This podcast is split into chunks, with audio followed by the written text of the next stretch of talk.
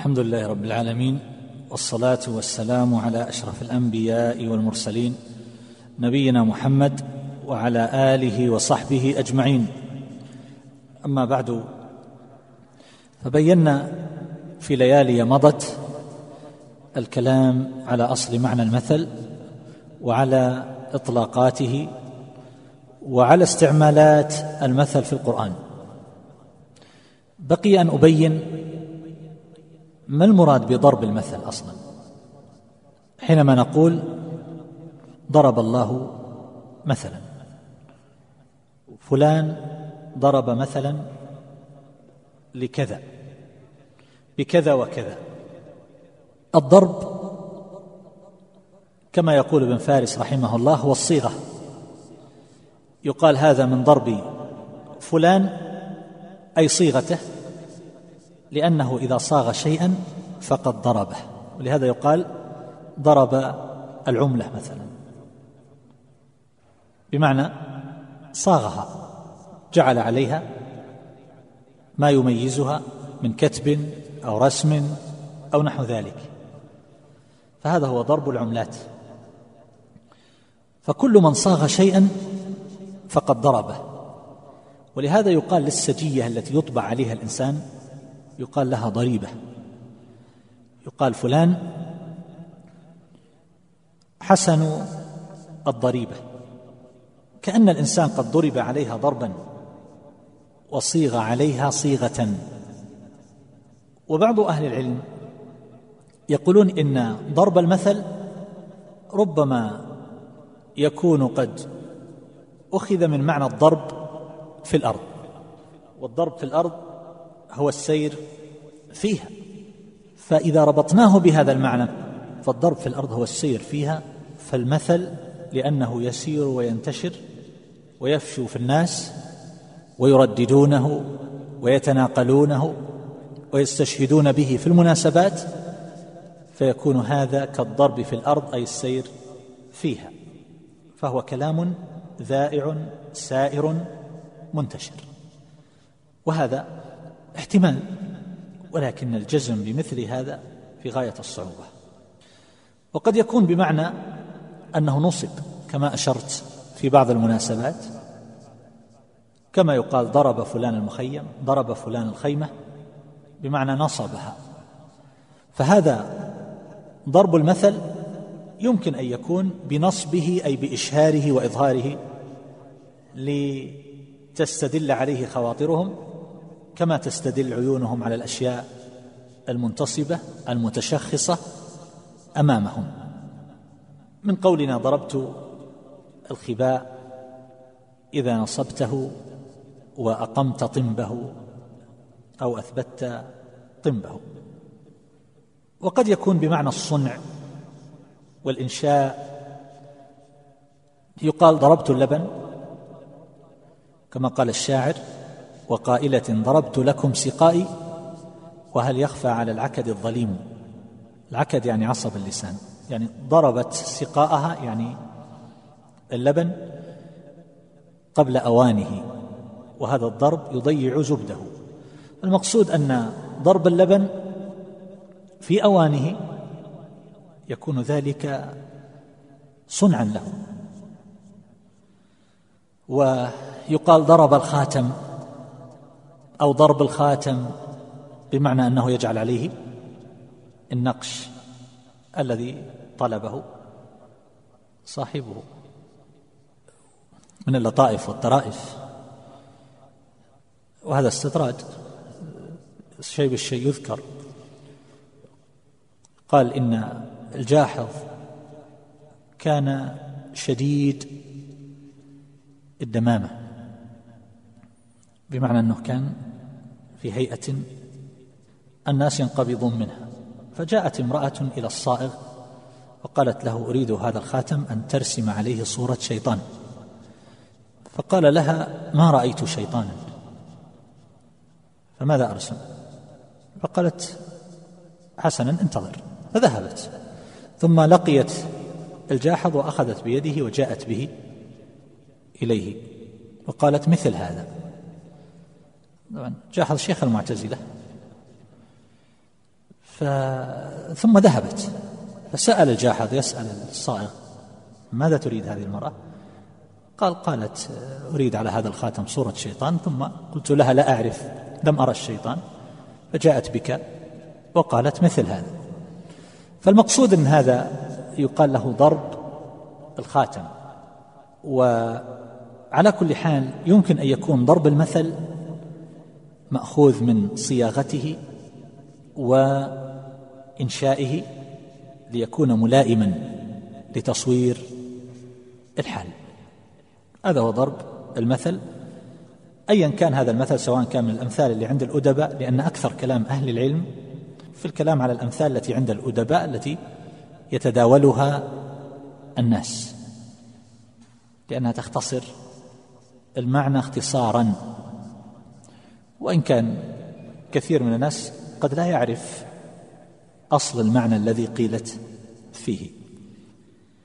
وأما ضرب المثل فإن شيخ الإسلام ابن تيمية رحمه الله يرى أن ذلك يرجع إلى معنى التقدير. فضرب المثل للشيء هو بمعنى تقديره له. وأرجع استعمالات هذه اللفظة إلى هذا المعنى. فيقول ومنه ضرب الدرهم وهو تقديره. وهكذا أيضا في ضرب الجزية والخراج. قال تقديرهما. وفسر الضريبة بالمقدرة. والضرب في الأرض قيل له ذلك لأنه يقدر أثر المشي بقدره. وهكذا أيضا تقول ضرب الجزية والخراج إذا فرضه وقدره على مر السنين. والضرب في الأرض بمعنى الحركات المقدرة المجموعة إلى غاية محدودة. فهو يرى أن ضرب المثل لما كان جمعا بين علمين يطلب منهما علم ثالث كان بمنزلة ضراب الفحل الذي يتولد عنه الولد. فهو يرى أنه بهذه الطريقة. يعني مثلا هو يرجع ذلك إلى نوع من المقايسة والمشابهة. فالقياس مثلا حينما نقول إلحاق فرع بأصل في حكم لعلة جامعة بينهما. لنخرج بنتيجة لنعرف حكم الفرع. فحينما نقول مثلا حكم العصير المسكر ما هو؟ هذا خفي. نحن نعرف حكم الخمر. فهذا أصل جلي واضح. فنلحق الفرع الذي هو العصير بالأصل الذي هو الخمر في حكم وهو التحريم تحريم الخمر لعلة جامعة بين الفرع والأصل وهي الإسكار. ما هي النتيجة التي نخرج فيها؟ نقول إن النبيذ المسكر أو العصير المسكر محرم. هذه النتيجة. بعد ذلك أنتقل إلى القضية الرابعة. وهي ما الفرق بين الحكمة والمثل. ذكرت في أول مجلس في الكلام على أصل معنى المثل قلت ولهذا يقال للحكمة مثل. لا أعني أنه دائما يقال للحكمة مثل. ولهذا سألني أحد الإخوان بعد الدرس الحكمة هل هي بمعنى المثل دائما؟ لا هناك فروقات.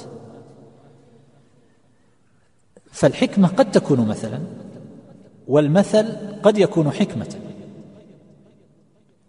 لكن هناك فروقات معينة بين الحكمة وبين المثل وهناك جوانب قد يشتركان فيها. فالحكمة هي أحسن ما يقال فيها والله أعلم بأنها الإصابة بالقول والعمل. باختصار الإصابة في القول والعمل. فالحكيم هو الذي يأتي بالكلام على وجه الصواب وبالفعال على وجه الصواب فيوقعها في أحسن مواقعها يعني يتصرف في الوقت المناسب التصرف المناسب. قد يكون التصرف صحيح أو الكلام صحيح لكنه خطأ في هذا المقام. قد يكون هذا الفعل أو هذا التصرف أو هذا الموقف من حيث الأصل صحيح لكن في هذا المقام غير صحيح. فهذا خلاف الحكمة. ولذلك تجد الإنسان أحيانا عنده علم كثير لكن ما عنده حكمة. فقد يقول هذا الكلام الذي قلته صح أو خطأ؟ نقول الكلام صح. لكن جعل هذا الكلام في هذا المقام أن تتكلم به في هذا المقام هذا خلاف الحكمة. فالحكمة هي الإصابة في القول والعمل إيقاع الأمور في مواقعها هو الحكمة. قد تكون الحكمة ليست من الأمثال. وخذ هذه القصة. حكم لكنها ليست بأمثال. هذا العجاج الشاعر المعروف. دخل على عبد الملك بن مروان. فقال له عبد الملك بلغني أنك لا تقدر على الهجاء. شاعر لا يحسن الهجاء. فقال يا أمير المؤمنين من قدر على تشييد الأبنية أمكنه خراب الأخبية. يقول اللي يستطيع أنه ينشئ ويقول الشعر في المعاني التي تبني لا يعجز عن الهدم وهو الهجاء. قال فما يمنعك من ذلك؟ قال إن لنا عزا يمنعنا من أن نظلم وإن لنا حلما يمنعنا من أن نظلم. فعلام الهجاء. لاحظ حكم. فقال عبد الملك لكلماتك أشعر من شعرك. فأن لك عز يمنعك من أن تظلم. قال الأدب البارع والفهم الناصع. يقول أنا أتحفظ في كلامي وأضبط عباراتي ولا أجعل لأحد سبيلا ليخطئ علي. قال فما الحلم الذي يمنعك من أن تظلم؟ قال الأدب المستطرف والطبع الثالث الطبع الثالث يقول أنا مجبول على متربي على الأدب والعدل والإحسان. الأدب المستطرف بمعنى أنه يعامل الناس بأحسن ما يكون وما يروق لهم. فقال يا عجاج لقد أصبحت حكيما. قال ومن يمنعني وأنا نجي أمير المؤمنين. أنا جليسك وأتحدث معك ومن خاصتك كيف ما أكون حكيم؟ فلاحظ هذه العبارات الآن. هي حكم لكن هل هي أمثال؟ بهذا المثال يتضح فرق من الفروقات بين الحكمة والمثل. فالحكمة الإصابة بالقول والعمل لكن قد لا تكون من قبيل الأمثال. فيقولون الحكمة عامة في الأقوال والأفعال تصيب في القول والفعل. أما المثل فهو خاص بالقول لأن المثل هو جملة عبارة تقولها هذا المثل عند الأدباء. وأما المثل بما هو أعم من ذلك فيما يذكره الله عز وجل من أنه جعل الأمم السابقة التي أهلكها مثلا للآخرين أليس كذلك؟ فهذا مثل بإيش؟ بالفعل وليس بالقول. لكن الكلام عن المثل السائر المثل عند الأدباء. وفرق آخر. يقولون بأن المثل يقع فيه تشبيه بين المضرب والمورد. فننتقل من هذه الحالة إلى هذه الحالة. يعني ولا بأس أن نمثل بمثال ولعل هذا المثال ينفع في قضية أخرى. كثير من الناس يردد بعض الأمثال لبعض أصحابه وهو ما يعرف في ماذا قيل المثل. يعني مثلا يرى الإنسان صاحبه مشغولا. لا يدري بماذا يبدأ من أشغاله. فيقول أعانك الله أنت أشغل من ذات نحيين. أشغل من ذات نحيين. طيب هذا مثل. لكن في ماذا قيل المثل؟ هذا رجل من العرب جاء لامرأة تبيع السمن. تبيع السمن والسمن غالي على أصحابه. فقال لها أريد أن أذوق من هذه العكة.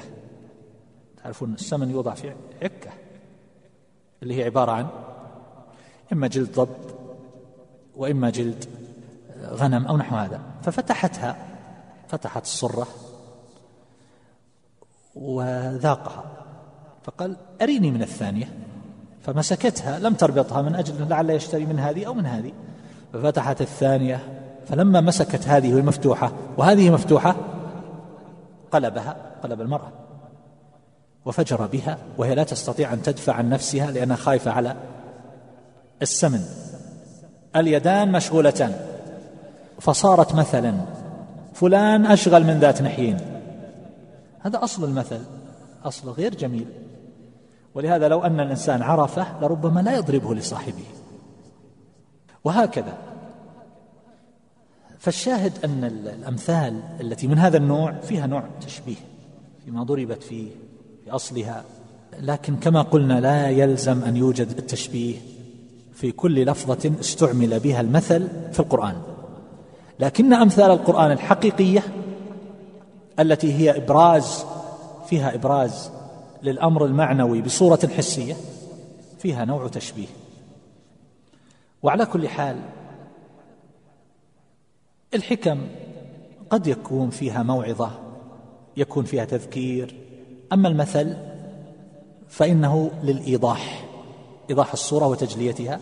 هذا الإيضاح طبعا في ضمنه قد يوجد تذكير ووعظ وزجر ورد أو نحو ذلك. فهذه الفروقات التي يذكرونها قد تناقش أو يناقش بعضها لكن لا شك أنه يوجد نوع من الفرق بين الحكمة والمثل. قد لا تكون الحكمة مثلا بطبيعة الحال كما ذكرت القصة مع عبد الملك ابن مروان. كلمات صحيحة عبارات جمل. لكنها ليست مثلا. أما الأمثال فهي أمور سائرة. هذا بالنسبة للمثل عند الأدباء. المثل الذي نجده في القرآن غير المثل اللي عند الأدباء فيه إبراز للمعنى بصورة محسوسة. فهذا لا شك أنه حكم بهذا الاعتبار. فهذه الأمثال التي ضربها الله عز وجل وما يعقلها إلا العالمون كلها حكم. كلها حكم. كلام الله عز وجل كله حكيم. فبهذا الاعتبار تكون الحكمة والمثل تتفقان. فالمثل من الحكمة لكن ليست كل حكمة تكون من قبيل المثل. ولهذا بعضهم كأبي هلال العسكري له كتاب اسمه جمهرة الأمثال يقول كل حكمة سائرة تسمى مثلا لأنهم ما استحسنوها. ولا جرت بينهم إلا أنها عبارة معبرة عن معنى في غاية الدقة والاختصار والإحكام فهي صواب فانتشرت بينهم. فالأمثال هي من قبيل الحكم. لكن الحكم هل كل حكمة تكون مثلا؟ لا كل حكمة سائرة يعني ذائعة منتشرة متداولة. يعني مثلا لو قيل من رافق الراحة فارق الراحة في وقت الراحة. حكمة. من رافق الراحة يعني الذي يترك العمل والجد والاجتهاد في أوله. بعد ذلك قد يكون تعيسا في آخر حياته. الذي يترك العمل في الدنيا والجد ماذا يحصل له فيما بعد؟ في الآخرة آخرة دار لا تصلح للمفاريس فالدنيا هي دار العمل. من رافق الراحة فارق الراحة في وقت الراحة.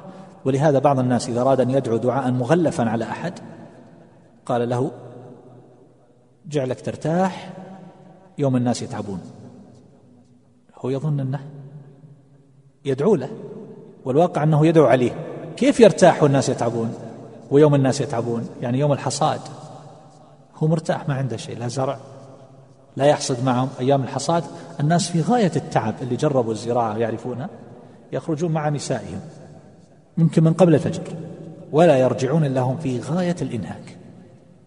ولذلك تجدون في بعض الأسئلة في الفتاوى كتب الفتاوى تجد عدد من الأسئلة رجعت من الحصاد فأرضعت طفلي فلم أجد نفسي إلا نائمة فلما استيقظت وجدت الطفل قد مات. عدد من الأسئلة رأيتها بهذه الطريقة في غاية الإنهاك. فهذا يقول عساك ترتاح يوم الناس يتعبون. هذا الدعاء عليه بما يشبه الدعاء له.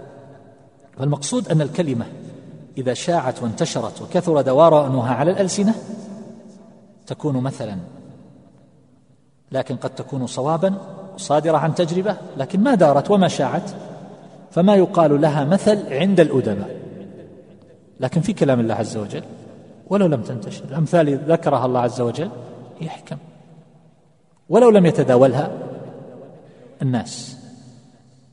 لعله بهذا يكون اتضح المراد.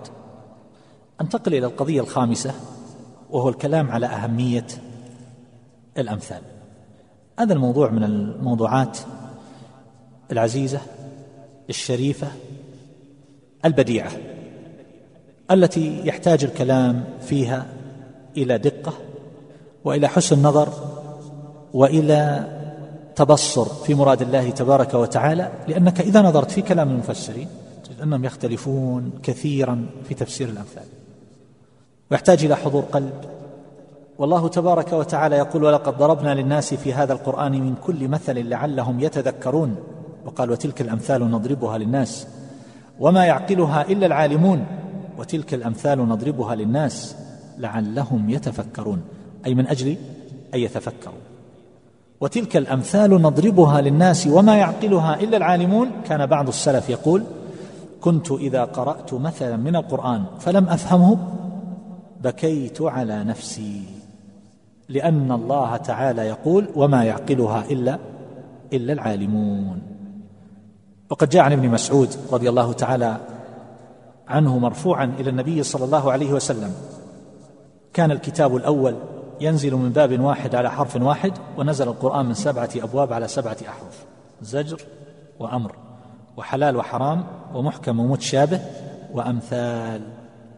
فأحلوا حلاله وحرموا حرامه وافعلوا ما أمرتم به وانتهوا. عما نهيتم عنه واعتبروا بأمثاله واعملوا بمحكمه وآمنوا بمتشابهه. وقولوا آمنا به كل من عند ربنا. والحديث ذكره الشيخ ناصر الدين الألباني رحمه الله في السلسلة الصحيحة. يقول الماوردي رحمه الله ومن أعظم علم القرآن علم أمثاله والناس في غفلة عنه. وقد عده الشافعي رحمه الله علم الأمثال مما يجب على المجتهد معرفته من علوم القرآن. فالمثل عموما وإن كان أكثر عبارات أهل العلم هي عن المثل عند الأدباء لكن ما سبق هو عن أمثال القرآن. لكنك إذا فتشت لتبحث عن كلامهم في أهمية الأمثال فإن غالبه سيق في الكلام على الأمثال عند الأدباء الأمثال السائرة. فعلى كل حال الأمثال كما يقولون من أبلغ الحكمة. يقولون لأن الناس لا يجتمعون على ناقص أو مقصر في الجودة أو غير بالغ المدى في النفاسة.